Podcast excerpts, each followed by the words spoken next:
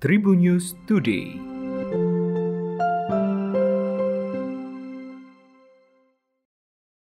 Tribuners berjumpa kembali bersama Hakim di Tribun News Today dan Hakim akan berbagi informasi menarik hari ini mulai dari informasi nasional, regional, selebritis dan juga olahraga. Menteri Koordinator Bidang Pembangunan Manusia dan Kebudayaan Muhajir Effendi mengajak masyarakat meningkatkan kewaspadaan terhadap penularan COVID-19 jelang libur Hari Raya Natal 2021 dan juga Tahun Baru 2022 atau Nataru. Hal tersebut diungkapkan oleh Muhajir dalam perayaan HUT ke-160 Huria Kristen Batak Protestan di Sopodel Tower Mega Kuningan, Jakarta Selatan pada Kamis malam 25 November 2021 kemarin. Muhajir mengatakan meskipun kasus COVID-19 di Indonesia sudah landai, tetapi wabah belum sepenuhnya usai. Apalagi berkaca dari pengalaman sebelumnya, lonjakan kasus terjadi akibat pergerakan masyarakat yang tinggi di masa libur Nataru.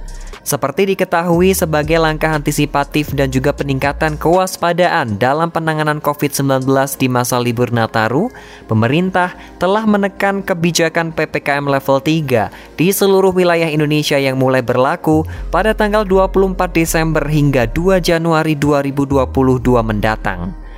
Dalam kebijakan tersebut terdapat pengetahuan aturan dalam hal pergerakan orang untuk mencegah meluasnya penularan COVID-19.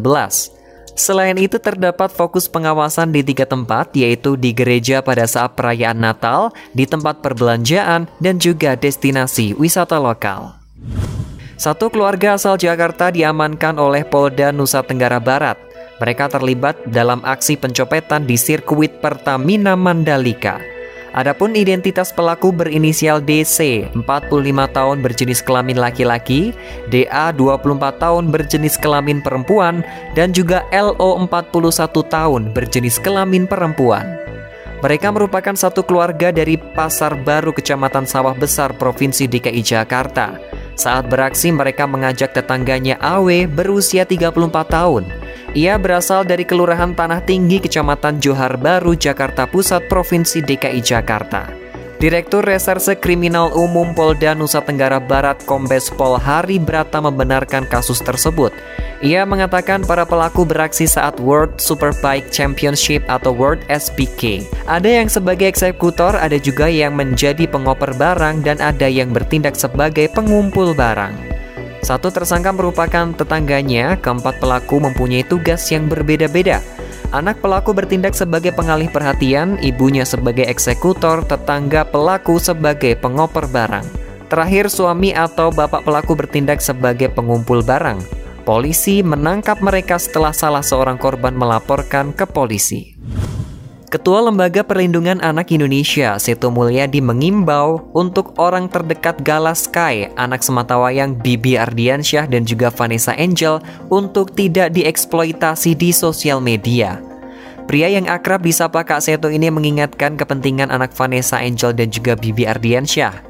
Menurut Kak Seto, saat ini yang harus diutamakan adalah ruang yang nyaman pada Gala apalagi dirinya baru mengalami trauma atas kecelakaan yang menewaskan Vanessa Angel dan Bibi Ardiansyah beberapa waktu yang lalu.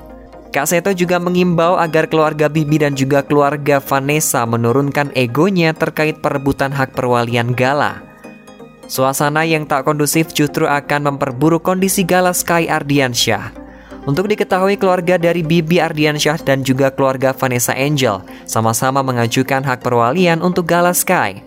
Ayah mendiang Bibi Ardiansyah Faisal mengajukan hak asuh kepada Gala Sky di Pengadilan Agama Jakarta Barat. Hal itu dilakukan supaya status perwalian Gala menjadi lebih jelas. Pecinta bulu tangkis tanah air gembira dengan adanya wakil tuan rumah yang berlaga di perempat final Indonesia Open 2021. Nama-nama beken turun menghiasi daftar pebulu tangkis tanah air yang melaju ke perempat final Indonesia Open 2021 ini. Salah satu yang paling mendapat sorotan adalah keberhasilan Marcus Gideon dan juga Kevin Sanjaya yang sampai di perempat final. Pasangan yang karib disapa The Minions ini harus bersusah payah untuk memastikan langkah ke fase knockout ketiga tersebut. Di babak 16 besar mereka diajak bermain rubber game oleh ganda putra Korea Selatan Choi Sol-gyu dan juga Kim Won-hu. Pertandingan berjalan super ketat di mana Marcus dan juga Kevin serta Choi dan juga Kim sama-sama mengandalkan penempatan shuttlecock alih-alih mengeluarkan smash keras dan tajam. Menyikapi kemenangan atas wakil Korea Selatan kemarin, Kevin Sanjaya kembali menyinggung soal tenaga dan fisik yang cukup letih dirasakannya. Baiklah demikian tadi empat informasi terupdate hari ini Tribuners dan jangan lupa untuk terus mendengarkan Tribun News Today hanya di Spotify Tribun News Podcast dan juga YouTube tribunnews.com. Tetap patuhi protokol kesehatan 3M dengan memakai masker, mencuci tangan dan juga menjauhi kerumunan atau menjaga jarak. Saya Hakim pamit, salam sehat untuk semua dan sampai jumpa. Tribun News Today.